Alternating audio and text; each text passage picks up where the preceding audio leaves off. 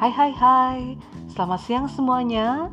Edupedia bersama Mami Noveni Edupedia from Iskutai.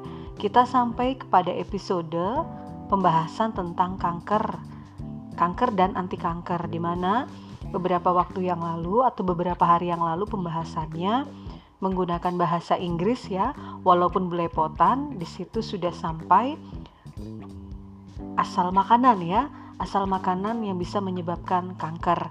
Nah, pada saat ini kita akan sampai kepada biji-bijian yang diproses untuk mengetahui apakah benar biji-bijian yang telah diproses ini bisa menyebabkan kanker.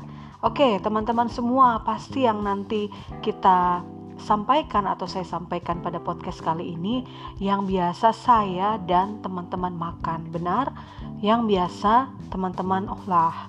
Di mana di bagian ketiga ya kan yang berhubungan dengan perkembangan kanker dalam tubuh manusia adalah makanan yang berasal dari biji-bijian yang telah diproses. Seperti apa teman-teman?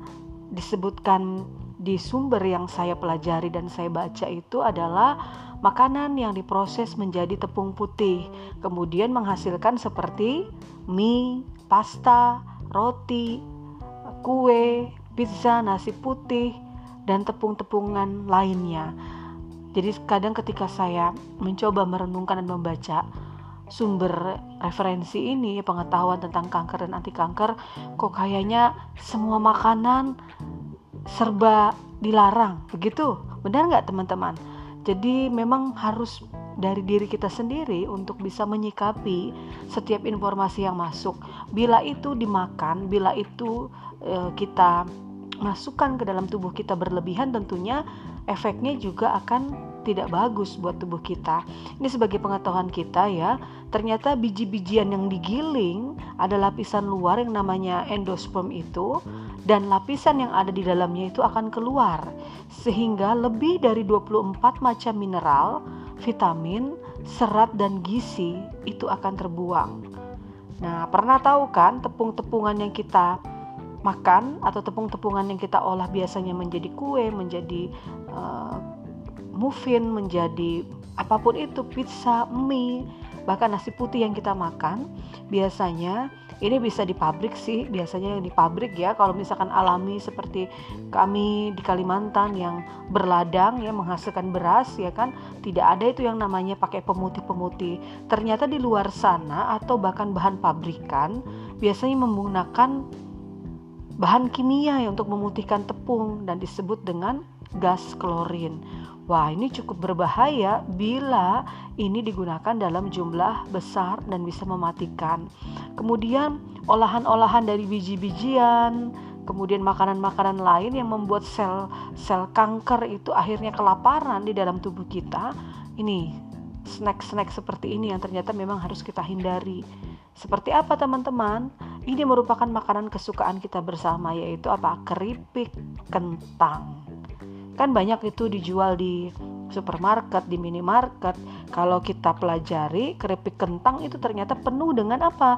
Trans lemak yang dapat menyebabkan kolesterol tinggi kalau dimakan terus-menerus dan berlebihan.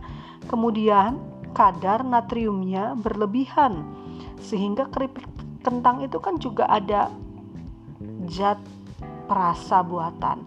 Ada rasa barbeque, ada rasa jagung panggang. Bahkan Ternyata karena bertahun-tahun bisa awet sampai setahun dua tahun, banyak zat pengawet dan zat perwarna yang sebenarnya tidak dibutuhkan tubuh dalam makanan tersebut. Wow.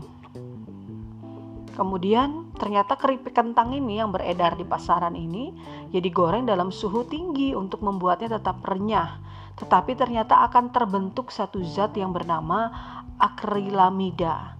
Ya ini juga ditemukan penyebab kanker yang ditemukan pada rokok. Jadi apa yang kita makan biasanya mungkin yang suka kentang goreng itu kan digoreng dalam suhu yang tinggi ya teman-teman. Ternyata ada zat juga yang terbentuk seperti yang terbentuk di dalam rokok. Sehingga kita sendiri juga kadang untuk cemilan malas ya, ah cari yang enaknya aja yang sudah ada. Itu tadi hingga anak-anak kita pun juga ya sudah tidak suka makan yang begini kita kasih anak-anak kita Nah, dari pembelajaran ini, bagaimana orang tua, bagaimana kita memberikan alternatif kudapan snack yang lebih sehat buat anak-anak kita. Nah, olahan dari biji-bijian tadi ya, olahan dari makanan tepung-tepungan tadi selain keripik kentang, ada juga makanan yang asin seperti mungkin yang diasinkan seperti telur asin atau dengan menggunakan penggunaan nitrat dan nitrit yang sebagai pengawet agar dagingnya kelihatan segar, makanan-makanan yang diasap, kacang-kacangan yang diasap itu ternyata menyerap sejumlah yang namanya ter untuk menimbulkan kanker. Ter itu terdapat di mana? Ini yang perlu kita pahami bersama yang suka makanan eh, mohon maaf frozen food yang mungkin lama ya kan? Istilahnya dalam proses pemasakan kemudian penyimpanannya seperti daging yang tadi ada pengawetnya ada sosis daging as asap ya karena banyak mengandung banyak lemak dan garam. Dan ini terbukti teman-teman meningkatkan risiko kanker lambung. Dan bahkan yang biasa makan makanan ini ya di dalam jumlah yang besar itu juga akan mengakibatkan penderita kanker dalam jumlah yang besar. Nah, ini yang masih juga berikutnya yang dalam olahan tepung ya, yang masih sering saya sediakan juga di rumah. Mau cari praktisnya saja dan saya memang dari kecil suka banget makan ini.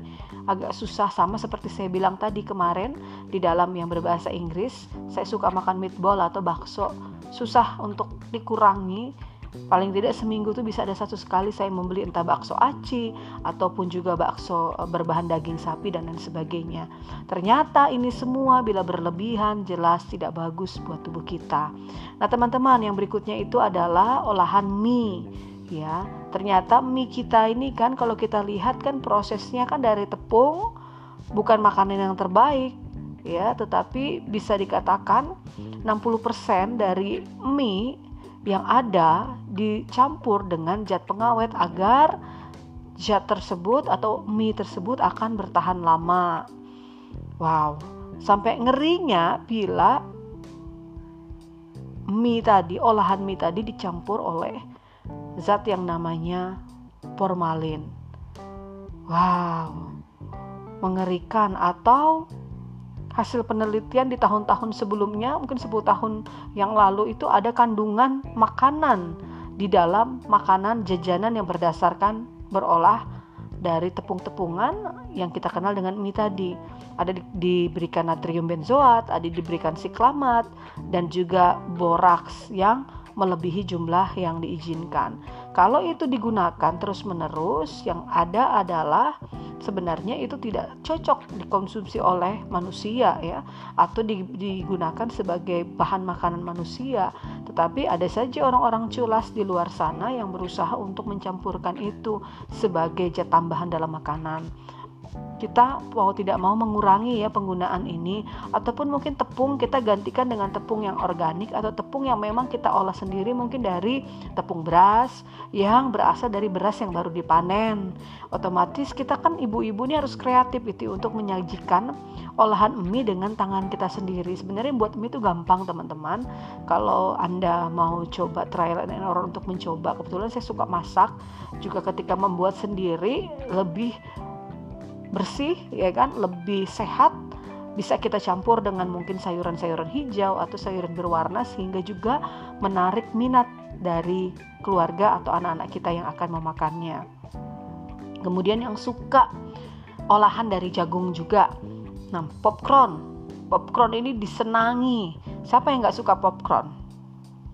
Mungkin kalau ada alergi mungkin nggak suka ya saya termasuk suka popcorn. Bila memang ketemu ini pasti saya suka karena mencium wangi ketika aromanya sedang dimasak itu menimbulkan selera teman nonton. Bahkan di luar negeri sana kan orang e, banyak ya untuk menjajanan seperti ini sudah jajanan yang biasa baik di rumah mereka atau ketika mereka saat menonton. Ternyata teman-teman ketika membuat popcorn ini menggunakan microwave itu membahayakan kesehatan. Di rumah saya nggak ada microwave ya tapi biasanya pakai panci.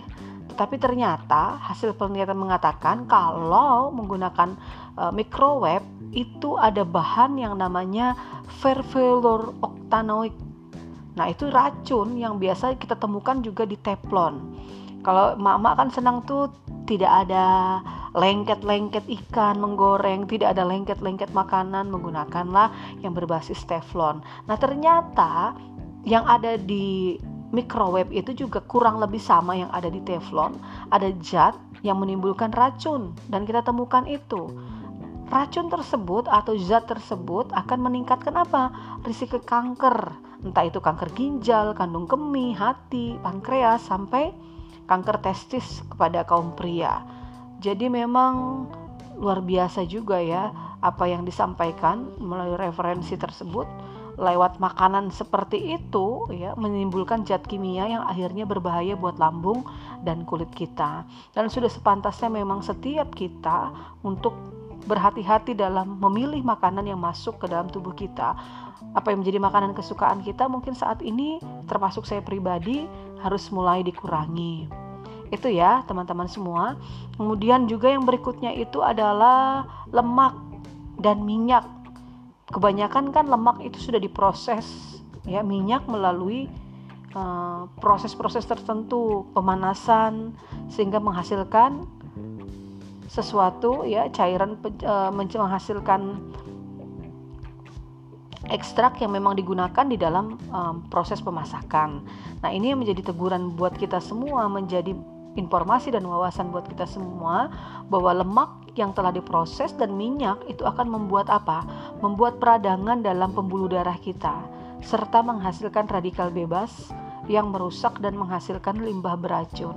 Coba memang di rumah nanti bandingkan ikan dengan digoreng, ayam dengan digoreng dengan masakan yang mungkin dipepes, direbus dan dikukus.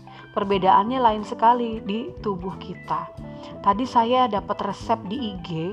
Ini patut dipraktekkan kalau biasanya diolah menjadi bakso ya, daging sapi atau daging ayam ini diolah menjadi masakan lupa namanya apa tapi saya sudah hafal. Nanti kapan-kapan ya kalau bicara di dapur Salsio kita akan mencoba uh, resep tersebut tidak ada pakai minyak, memang ada santan kental, tapi bisa dikurangi. Bisa saja pilihannya atau opsinya tidak menggunakan yang berbasis lemak tadi. Nah, jadi teman-teman, menurut penelitian bahwa lemak ini dan minyak akan menekan sistem kekebalan dan memperhebat yang namanya metastasis. Wow, apa itu metastasis ya? Metastasis dari kanker silahkan nanti kamu bisa googling apa itu tadi karena itu akan memperhebat mungkin peredaran atau pertumbuhan dan perkembangan kanker dalam tubuh seseorang. Ketika seseorang suka masakan dengan lemak dan minyak, lemak itu kan diproduksi menghasilkan persenyawaan dan zat karsinogenik. Akhirnya ada peradangan. Biasanya kan dimasak dengan suhu tertentu ya suhu tertentu mengeluarkan asap. Nah, itu yang membentuk radikal bebas dalam tubuh kita ketika kita konsumsi yang tadi dipanaskan itu hingga mempunyai potensi untuk menjadi kanker. Yang berikutnya lagi tentang lemak, mengalirkan zat karsinogen dalam aliran darah. Lemak akan menambah risiko pada wanita, pada pria masalah hormonalnya. Nah, ini lagi-lagi asik nih membahasnya ya. E, sebenarnya orang yang menunjukkan pemakaian yang sedikit lemak otomatis terpaparnya juga lebih kecil. Kemudian lemak dan minyak akan memberikan kontribusi kepada penambahan kalori. Lemak dan minyak merupakan kolesterol yang menyamar tanpa kita sadari dikatakan kolesterol yang menyamar minyak ini. Jadi itu yang berhubungan dengan lemak dan minyak bahwa komponen-komponen tersebut adalah memang penting dalam sel dan jaringan tubuh manusia, tetapi bisa kita ganti dengan sumber yang lain tanpa menggunakan mungkin um, apa yang sudah kita biasa pakai biasanya di rumah ya kan ini mungkin kapan-kapan akan kita bahas ya di bagian berikutnya ya kan? Karena apa? Semua lemak dan minyak yang diekstraksikan dengan menggunakan bahan kimia dan suhu tinggi itu akan menghasilkan apa? Radikal bebas yang mendatangkan malapetaka bagi tubuh kita. Itu mengenai sumber-sumber makanan yang bisa menyebabkan perkembangan kanker. Jadi teman-teman nanti bisa uh, cari lagi informasi dan wawasan yang lebih lanjut lagi supaya lebih paham. Kemudian yang berikutnya ya selain tiga bagian tadi ada juga makanan dan minuman yang menjadi penyebab kanker seperti apa? Seperti alkohol. Wow, dikatakan bahwa dari penelitian minuman alkohol itu adalah penyebab kedua dari penyakit kanker setelah penggunaan tembakau. Artinya di sini untuk kondisi yang ringan, penggunaan alkohol bagus untuk kesehatan. Tapi apa yang terjadi bila penggunaan alkohol itu berlebihan? Jelas segala sesuatu yang berlebihan akan menyebabkan yang tidak baik bagi tubuh kita. Oke, kemudian cukup mengerikan sudah banyak sekali ya yang menjadi bukti penelitian kondisi ketika seseorang ketergantungan alkohol ya banyak sekali kanker yang disebabkan oleh barang ini atau benda ini. Nah, kemudian yang berikutnya ini yang suka sekali makanan kaleng nih perlu diperhatikan. Makanan-makanan kaleng yang sudah di apa namanya proses ya cukup lama dan diawetkan tentu harus kita waspadai. Seperti apa contohnya? Ya tadi makan makanan seperti sarden di dalam kaleng atau tomat apa itu namanya saus tomat di dalam kaleng itu kalau untuk tomat sendiri kan bagus ya buat kesehatan kita. Tetapi bagaimana bila itu sudah diawetkan? Nah ketika makanan itu diawetkan itu yang terjadi adalah keasamannya sangat tinggi sehingga ada yang dari dalam kaleng itu pelapisnya itu masuk ke dalam tomat itu sendiri. Karena kadar yang ada di dalam tomat itu begitu tinggi maka kita harus lebih berhati-hati untuk memakan makanan-makanan kaleng. Lebih bagus memang langsung mengelolanya sendiri. Kalau mau bikin saus tomat ya beli tomat yang segar lalu kita mengolahnya sendiri mungkin menyimpan di dalam jangka waktu mungkin maksimal seminggu sehingga tidak perlu berlama-lama. Karena ada ternyata menurut hasil penelitian makanan-makanan ya seperti sapi yang kita bahas yang lalu diberikan hormon penumbuh. Di dalam makanan juga ada yang namanya genetically genetically modified organism. Itu makanannya sudah dimodifikasi oleh bahan-bahan kimia dan akhirnya tumbuh bersama dengan bahan-bahan kimia tersebut. Gak mau dong teman-teman makan kentang yang sudah di apa namanya dipenuhi dengan GMO. Tidak mau dong teman-teman makan uh, tomat yang sudah ada GMO-nya atau bahkan di Indonesia sendiri di wilayah-wilayah kita ya seperti kami di sini pernah tuh uh, ada juga zat pemanis. Entah itu lewat apa namanya lewat sirup atau zat pemanis lainnya atau memberi warna yang lebih cerah kepada uh, tumbuhan itu atau buah itu itu juga kalau dimakan terus-menerus oleh tubuh kita jelas akan menyebabkan kanker dan bahkan kalau kita kebanyakan makan ya tadi kegemukan, obesitas ya. Nah, kondisi-kondisi tersebutlah, makanan-makanan tersebutlah atau kondisi-kondisi badan tersebutlah yang dapat dan disukai oleh kanker. Oke, setelah beberapa hal part 1, part 2, part 3 ya sampai pada hari ini pembahasan mengenai makanan penyebab kanker, beberapa hal yang perlu kita pahami bahwa ada kondisi-kondisi yang memang disukai oleh kanker itu sendiri. Yang pertama adalah keasaman yang tinggi, di mana sel kanker senang kepada lingkungan yang asam. Yang kedua, sirkulasi yang buruk, di mana kadar gizi dan oksigen yang rendah di tubuh kita. Sel kanker dapat berkembang tanpa oksigen, bahkan sel kanker lebih senang akan keadaan tanpa oksigen. Yang berikutnya, kadar gula yang tinggi dalam darah yang berasal dari gula sendiri maupun dari tepung bahwa kita tahu kanker sangat suka makan makanan yang manis ya. Apalagi ada asupan gulanya. Karena orang yang mengkonsumsi gula 18 kali lebih banyak dari sel normal mempunyai reseptor glukosa di permukaan selnya dibandingkan dengan sel yang normal sehingga pertumbuhan sel kanker itu akan terus apa berjalan ibaratnya tadi memberi makan kepada sel kanker tersebut. Lalu ketika ada kadar kolesterol yang tinggi dari makanan yang berasal dari hewan, karena ada yang namanya korelasi antara jumlah serum kolesterol dan kehidupan kanker. Ini yang perlu kita perhatikan bahwa kolesterol memberi makanan kepada sel kanker sehingga bisa dikatakan bahwa sel kanker mempunyai selera tinggi kepada makanan berlemak dan bergula. Didapatkannya di mana? Seperti penjelasan tadi, lemak hewan, itu merupakan risiko untuk beraneka ragam kanker. Nah, ini juga hmm, hubungannya kepada masalah seksualitas, teman-teman. Hormon seks yang tinggi akibat memakan makanan asal hewan, lemak dan minyak yang telah diproses itu ada hubungannya untuk mendapatkan kontribusi hormon seks yang lebih tinggi. Lebih tinggi hormon, lebih tinggi juga kemungkinan untuk mendapatkan kanker payudara, prostat, dan kanker lain yang berhubungan dengan hormon.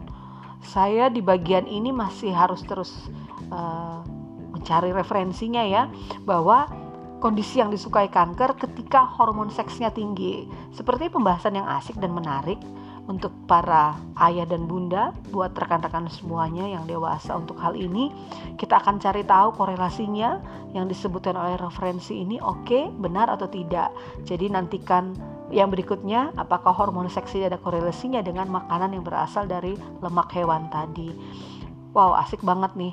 Jadi saya harap teman-teman semua juga sebenarnya bisa menanggapi kalau kalian sendiri punya uh, podcast atau juga sama seperti saya belajar nge-podcast seperti saat ini supaya kita bisa ada timbal balik saling berdiskusi melalui informasi-informasi yang dibagikan. Dan untuk dapat menghentikan kanker otomatis dari diri kita sendiri yang punya kesadaran diri yang tinggi bahwa ketika kita makan makanan yang kelebihan lemak, makanan yang kelebihan protein dan bahkan mengalami kekurangan fiber itu menyebabkan berbagai macam kanker di dalam tubuh kita. Lalu kecenderungan kita untuk mendapatkan kanker itu adalah dari makanan yang tadi saya katakan yang kelebihan protein, lemak, kolesterol, gula dan lain sebagainya. Dengan faktor turunan nanti kita akan mempelajari di pertemuan pertemuan berikutnya. Kita dapat mengurangi risiko menderita kanker dengan apa? Menghentikan dan menggantikan makanan yang memberikan lingkungan anti kanker pada tubuh kita. Oke, teman-teman semuanya, semoga penjelasan saya pada saat ini atau cerita di podcast pada sore ini tidak belepotan ya, bisa dipahami oleh teman-teman semuanya. Mulai tadi di awal tentang makanan yang berasal dari biji-bijian, lemak, dan uh, minyak sampai kepada beberapa hal kondisi yang disukai oleh kanker dan bagaimana kita bisa menghentikan kanker paling tidak meminimalisasi supaya tubuh kita juga bisa memberikan lingkungan anti kanker. Oke, salam sehat selalu, tetap semangat. Terima kasih sudah mendengarkan podcast kita Edupedia bersama Mami Noveni. Edupedia from Eskutai. Bye bye.